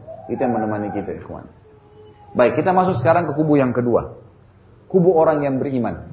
Saya akan berikan satu contoh saja di sini. Namun lihat waktunya. Contoh ini ikhwani adalah kisah seorang hamba Allah yang bernama Abdullah. Orang ini salah satu dari kalangan tabi'in yang masyhur. Satu waktu dia pernah makan, perhatikan ya, kehidupannya ini pertemukan dengan tiga orang tadi kafir itu. Satu aja saya angkat contohnya orang beriman. Ini udah jauh sekali. Abdullah ini dulu di kemahnya ikhwan di padang pasir. Lagi makan siang. Ambil makanan, baca bismillah, dimasukin di mulutnya. Baru dia kunyah, dari kejauhan ada orang teriak-teriak pakai kuda. Ya Abdullah, ya Abdullah. Ya. Naik kuda dengan cuman tinggi, debu semua berterbangan. Turun dari kudanya buru-buru. Ada berita penting nih. Diangkat tutup kemahnya dibuka. Langsung orang ini dengan buru-buru. Debu semua berterbangan. Abdullah kaget. Langsung dia bilang. Wahai Abdullah, ada berita penting. Kata Abdullah, kenapa? Anakmu baru mati ditusuk orang. Ini lagi makan siang dapat informasi anaknya mati, tidak cukup, dibunuh orang. Kira-kira kalau ada orang yang belum paham, posisinya seperti apa, gitu kan? Pasti dia kaget. Yang terjadi, Abdullah senyum. Lalu Abdullah memberhentikan makanannya sambil berkata, Inna lillahi wa inna ilaihi rajiun. Lalu beliau makan lagi. Nanti ada jawabannya nih kenapa beliau makan. Yang bawa berita ini pikir Abdullah nggak dengar kali ini. Dia bilang, wahai Abdullah, anakmu mati ditusuk orang. Abdullah sama, berhentiin makanannya. Dia balik, dia bilang, Inna lillahi wa inna ilaihi raji'un. Kami milik Allah, kami akan kembali kepada Allah. Dia punya lagi makanannya. Yang bawa berita ketiga kali, dia ulangi. Demi Allah, wahai Abdullah. Saya lihat orang pegang pisau, tusuk dada anakmu, keluar darah, mati. Gak ada lagi lebih jelas dari ini. Artinya dia pikir yang dua kali ini mungkin Abdullah nggak dengar kok masih santai gitu. Sama aja Abdullah. Dia berhenti kunyaannya. Innalillahi wa inna ilaihi rajiun. Kami milik Allah, kami akan kembali kepada Allah. Dia punya lagi. Yang bawa berita bilang, demi Allah wahai Abdullah. Yang saya bayangkan pada saat kamu terima berita ini, saya tadi lari-lari bawa berita penting ini, kamu akan bongkar makanan ini, kamu akan panik, dan kamu akan segera mencari siapa yang bunuh anakmu dan kau balas dendam. Normal nggak kalau orang belum paham? Normal, gitu kan? Tapi Abdullah berbeda. Perhatikan, orang yang beriman kepada Allah Azza wa Jalla luar biasa hidupnya, luar biasa. Dia bilang, wahai saudaraku, disuruh duduk, duduklah. Ini anaknya mati ditusuk orang, ini masih bisa nasihatin orang. Apa yang dia bilang? Wahai saudaraku, kami adalah segelintir orang yang beriman tentang ada Tuhan namanya Allah. Dan Tuhan kami Allah memerintahkan kami di awal musibah kalau datang mengucapkan kalimat istirja. Inna lillahi wa inna ilaihi rajiun. Langsung kembalikan. Kami milik Allah, kami akan kembali kepada Allah. Dan saya sudah ucapkan itu. Dan Allah menjanjikan wabashiris sabirin. Sampaikan berita gembira kepada orang-orang sabar. Alladzina idza asabathum musibatun qalu inna lillahi wa inna ilaihi rajiun. Yang pertama, kalau mereka ditimpa musibah mereka mengucapkan kami milik Allah, kami akan kembali kepada Allah. Lalu Allah bilang apa? Ulaika alaihim salawatu min rabbihim wa rahmah wa ulaikumul muhtadun. Mereka itulah orang-orang yang dapat kasih sayang, petunjuk dari Tuhannya, gitu kan? Orang-orang itu yang mengucapkan kalimat istirja. Saya sudah ucapkan. Lalu dia ajarkan kepada orang ini apa yang membuat dia tidak panik. Kata beriman kepada Allah ini luar biasa. Dia bilang apa? Wahai saudaraku, anak saya mati yang tadi kamu bawakan berita itu, itu dia mati bukan karena ditusuk, tetapi karena ajalnya sudah datang. Kalau ajalnya belum datang, biar dia ditusuk oleh 100 orang, dia tidak akan mati. Artinya apa? Saya nggak usah panik. Dia mati bukan karena tusukan kok, bukan karena orang tusuk, karena ajalnya. Ada orang ditabrak, ada orang sakit keras 10 tahun nggak mati-mati, ada orang sehat keluar rumah mati. Ajal kalau datang nggak bisa. Jadi membuat saya tenang, artinya saya marah atau tidak tetap sudah memang saatnya mati, nggak bisa. Jadi nggak ada gunanya saya panik, untuk apa saya panik gitu. Dan perlu juga ikhwat tahu dan akhwat rahimakumullah, kalau bahasa saya pribadi ya, ajal ini adalah tanggal expire. Hmm. Jadi bukan cuma makanan kaleng ada tanggal expired, kita juga semua punya tanggal expired. Ada seorang sahabat pembantunya pecahin piring, lalu tuannya marah-marah nih. Sampai berita itu kepada Nabi SAW. Lalu Nabi SAW panggil tuan rumahnya berkata, kenapa kau marah dengan pembantumu? Dia ya Rasulullah piring baru saya beli dipecahin. Kata Nabi SAW, jangan kau marah dengannya, karena sesungguhnya piring yang dipecahkan olehnya punya ajal, sebagaimana kamu punya ajal. Kalau bukan pecah di tangannya akan pecah di tanganmu. Antum lagi jalan ban motornya kempes, pecah. Memang sudah ajalnya. Kalau antum mau cari sebab itu sebab oh kena paku. Oh ah, itu itu sebab. Tapi dasarnya ajalnya. Kita beli makanan tiba-tiba mau makan sudah berlumut. Udah, udah. Itu ber, berjamur maksud saya. Itu sudah rusak ajal. Baru beli baju setrika hangus. Emang sudah ajalnya. Nggak usah ngamuk-ngamuk, nggak ada gunanya. Ngamuk nggak akan kembalikan. Gitu. Maka pemahaman itu luar biasa dari mana? Dari wahyu. Allah SWT ajarkan itu. Semua ajal ada.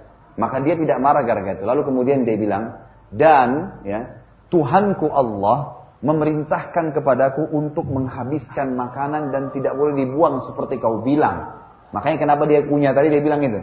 Karena Allah Subhanahu wa taala mengatakan innal mubadzirina kanu ikhwana syayatin wa kana syaitanu rabbihi kafura. Orang-orang yang membuang-buang sesuatu yang masih bermanfaat mubazir, saudaranya syaitan. Dan syaitan itu kepada Tuhannya kufur. Maka saya akan makan makanan ini, kemudian saya akan urus jenazah anak saya. Sudah selesai.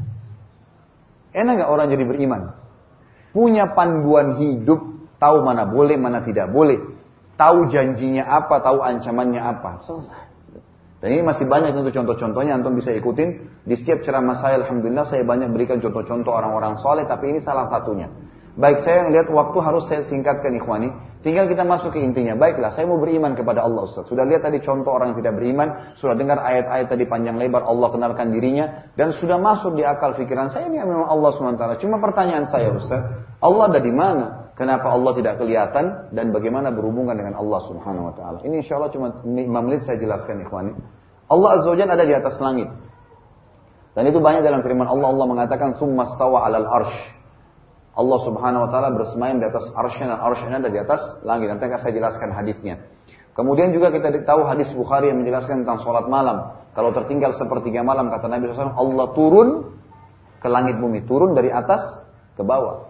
Hadis Bukhari yang lain pernah ada seorang laki-laki lewat, maaf, seseorang lewat, tidak disebutkan laki-laki atau perempuan, kemudian diikuti oleh budak wanitanya di Madinah. Lalu kata Nabi SAW, berhenti sebentar, saya ingin tanya budak kamu ini. Maka tuannya pun mengatakan silakan ya Rasulullah. Tapi ini saya tidak tahu ya tuannya laki-laki atau perempuan. Intinya waktu itu ditahan. Lalu kata Nabi SAW kepada budak wanita itu, di mana Allah? Pertanyaannya itu. Maka kata perempuan itu, Allah di langit, di atas. Lalu kata Nabi SAW, siapa saya? Kata perempuan itu, Anda adalah utusan Allah. Maka kata Nabi SAW, bebaskan wanita ini karena dia berita, dia wanita yang beriman. Dia wanita yang beriman. Jadi Allah ada di atas langit. Ini jawabannya. Pertanyaan kedua, kenapa Allah tidak kelihatan? Jawabannya ada sebentar kalau kita sholat ikhwani. Di awal sekali kita angkat tangan mengucapkan Allahu Akbar. Allah Maha Besar. Gitu.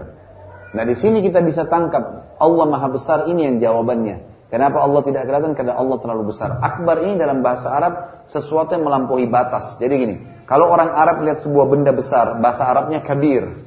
Karena Al-Quran turun dalam bahasa Arab, wahyu Nabi SAW sunnahnya dalam bahasa Arab, kita pelajari bahasa Arab itu. Kabir, besar. Kalau dalam pandangan seseorang yang bahasa Arab, berbahasa Arab. Kalau bagi dia, secara pribadi dia lihat benda, bagi dia pribadi ya, sangat besar. Dan dia yakin tidak ada lebih besar darinya, maka dia mengatakan akbar. Jadi kalau kita bilang Allahu Akbar, ikrar secara pribadi dalam bahasa Arab, artinya Allah itu memang maha besar, tidak ada lebih besar daripada itu. Dari mana memahami ini?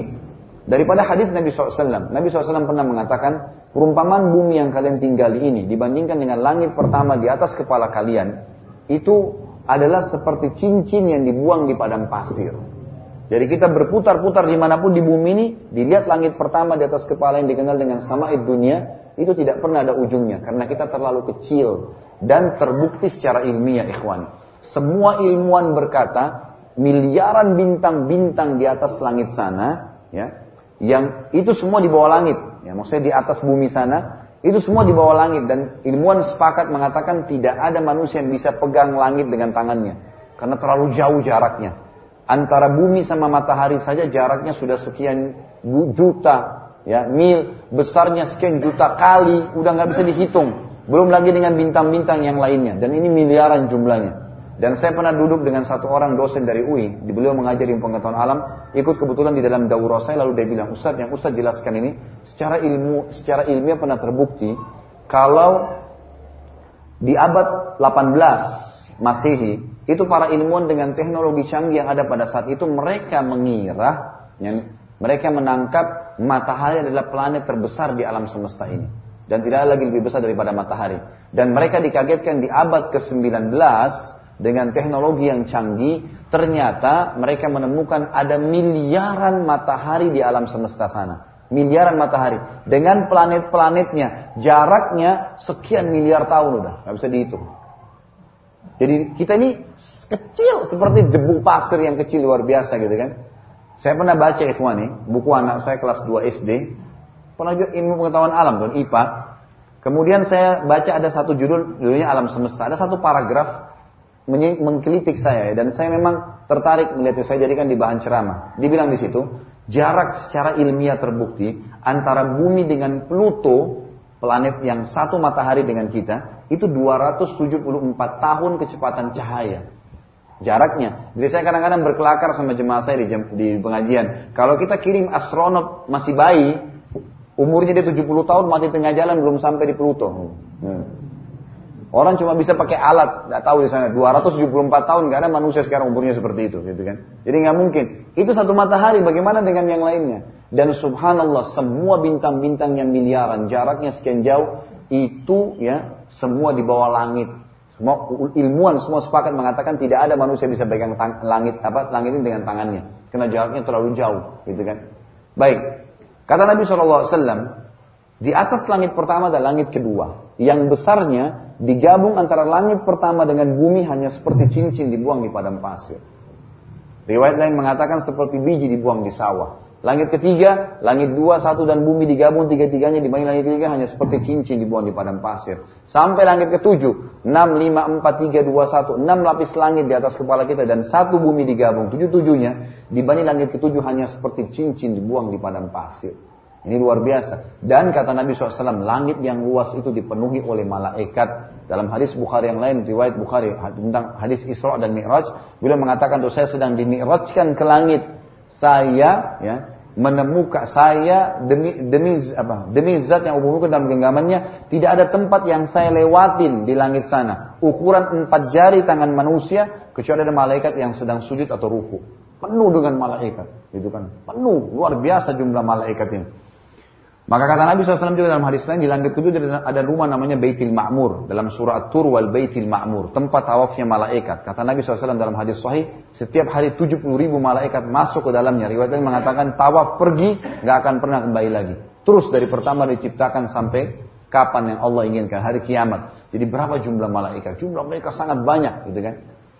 Ringkasnya adalah di atas langit ketujuh kata Nabi Shallallahu Alaihi Wasallam ada sebuah tempat namanya Sidratil Muntaha dan Allah Subhanahu dan Nabi SAW mengatakan besarnya Sidratul Muntaha digabung antara tujuh lapis langit dan bumi delapan delapannya hanya seperti cincin dibuang di padang pasir. Lantasnya lagi ada Allah ciptakan sebuah lautan dan kalau kalian ingin kata Nabi SAW bacalah firman Allah wa kana arsyu alal ma dan singa sananya Allah ada di atas air. Lautan itu kata Nabi SAW besarnya digabung antara Sidratul Muntaha tujuh lapis langit dan bumi sembilan sembilannya hanya seperti cincin dibuang di padang pasir. Dan arsh ya eh, dan ini ini ini dibanding lautan ya.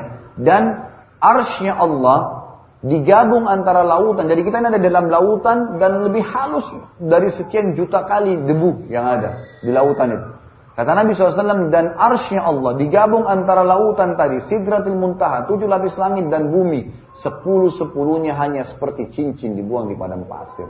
Itu arsnya Allah. Dan kata Nabi SAW, Allah di atasnya akbar. Allah lebih besar. Jadi kalau antum tanya kenapa saya nggak bisa lihat Allah, karena Allah terlalu besar, nggak bisa dijangkau dengan mata manusia. Untuk lebih jelasnya, coba kita renungi sama-sama. Jam berapa azan dulu? Nah, Baik, lima menit lagi ya. Uh, ada sebuah ayat yang sering kalau antum masih kecil disuruh hafal dan sampai sekarang kalau antum juga sudah tahu tentunya dipakai untuk ngusir syaitan, untuk pakai zikir pagi sore. Ayat apa? Ayat kursi. Apa itu ayat ikhwani? Ayat itu artinya informasi. Kursi itu dalam bahasa Arab bukan seperti yang kita pakai duduk. Bahasa Indonesia kursi tempat duduk. Kalau kursi bahasa Arab itu pijakan kaki raja di singgasana. Jadi kalau raja punya singgasana ada pijakan kakinya untuk naik ke atas duduk itu namanya kursi. Apa Allah bilang dalam ayat kursi? Informasi tentang kursinya Allah, pijakan kakinya. Wasi'ah kursiyuhus samawati wal ard.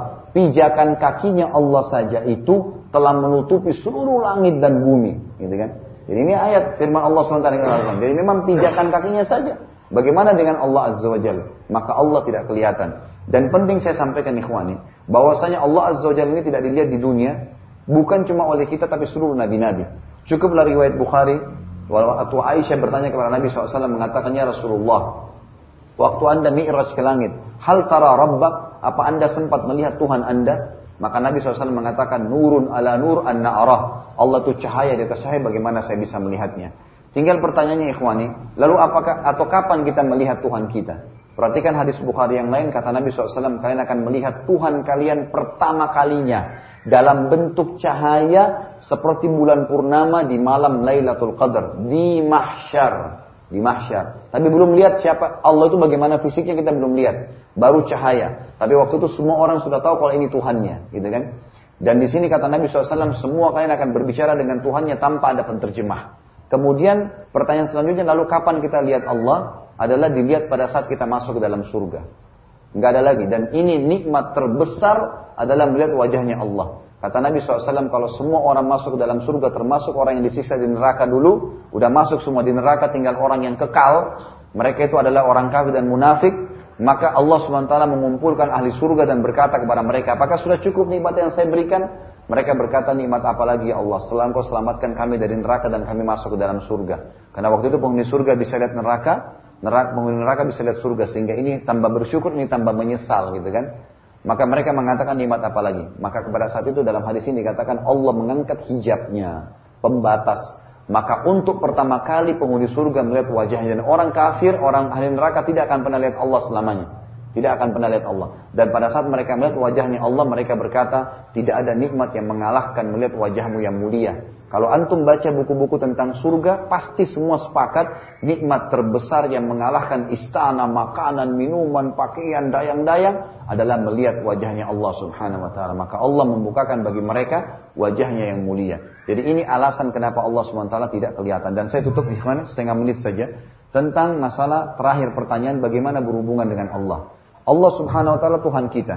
La ilaha illallah. Yang menyembah selain Allah kafir. Yang partisipasikan Allah dengan makhluknya syirik namanya. Dua-duanya nggak boleh. Kita harus berhubungan langsung dengan Allah SWT. Sahabat kalau sendalnya putus langsung angkat tangan ke langit mengatakan, Ya Allah sendal saya putus, gantikanlah. Karena kuatnya hubungannya dengan Allah Azza wa Langsung minta. Allah Subhanahu wa taala telah membuat satu-satunya cara untuk berhubungan dengannya. Di bawah namanya Allah tadi yang tidak ada Tuhan selain Dia dibuat lingkaran lagi di pikiran kita, itu adalah ibadah. Sholat, puasa, zakat, haji, takziah, ziarah kubur, baca Quran, zikir. Ini semua rangkaian ibadah yang Allah buat sistemnya, caranya, ya waktunya, bentuknya, ya jumlahnya, semua itu Allah aturkan kayak sholat asar, sholat subuh, bacaannya, hal-hal yang harus dilakukan, wudhu, hadap kiblat, tutup aurat. Semua itu kita tahu dari wahyu yang telah Allah turunkan, gitu kan? Dari mana kita tahu kalau keluar angin batal wudhu? Ya karena itu dari wahyu Allah Subhanahu Wa Taala. Nah ini semua cara untuk berhubungan dengan Allah Azza Jal. Dan caranya adalah supaya Allah terima ibadah ini harus seperti yang Allah mau, bukan yang kita mau. Ini yang penting nih. Caranya supaya seperti Allah mau ikuti padu pedomannya Al-Quran dan Sunnah. Jangan pernah ibadah kecuali pakai tuntunan wahyu. Yang buat-buat ibadah tidak pakai wahyu Allah tidak terima. Seperti anda kalau ini kata penutup saya. Kalau anda bekerja di satu perusahaan. Lalu pimpinan bilang hari Senin pakai baju putih. Selasa pakai kuning. Rabu pakai hitam. Datang jam 7 pagi keluar jam 5 sore ya. Ada pegawai datang hari Senin. Dia pakai baju warna hitam. Bukan warna putih. Datangnya bukan jam 7 tapi datangnya jam 9. Keluarnya bukan jam 5, keluarnya jam 2 siang. Kira-kira diterima jadi pegawai masih dipekerjakan? Sudah enggak. Itu baru peraturan manusia. Bagaimana dengan peraturan Allah Azza wa Jalla? Maka itulah sesuai dengan sabda Nabi Shallallahu Alaihi Wasallam, "Man fi amrina hada ma radun aw mardud." Siapa yang coba-coba buat ibadah yang tidak saya contohkan, tidak ada panduan yang Allah inginkan, maka akan tertolak atau dikembalikan kepada pelakunya. Makanya murnikan ibadah kepada Allah Subhanahu wa taala. Allahu alam. Mudah-mudahan apa yang kita bahas pada hari ini diberkahi Allah Subhanahu wa taala. Semua orang-orang yang belum dapat petunjuk diberikan petunjuk, yang sudah dapat petunjuk dimudahkan untuk mengamalkan. Seluruh muslimin yang masih sakit disembuhkan, seluruh muslimin juga yang masih utang dilunasi utangnya, seluruh muslimin yang tertindas di mana pun mereka berada di Palestina, di Syria, di Yaman, di Irak, di Myanmar, di mana pun mereka berada, Allah berikan kemenangan dan kemuliaan Islam dan Allah partisipasikan kita dengan mereka dengan pahala baik dengan doa, dengan jiwa dan harta harta kita dan semoga Allah SWT menyatukan kita di surga firdosnya tanpa hisab sebagaimana dia telah satukan kita di masjid yang mulia ini. Kalau benar dari Allah, kalau salah dari saya mohon dimaafkan. Subhanakallahumma bihamdika asyhadu an la ilaha illa anta Wassalamualaikum warahmatullahi wabarakatuh.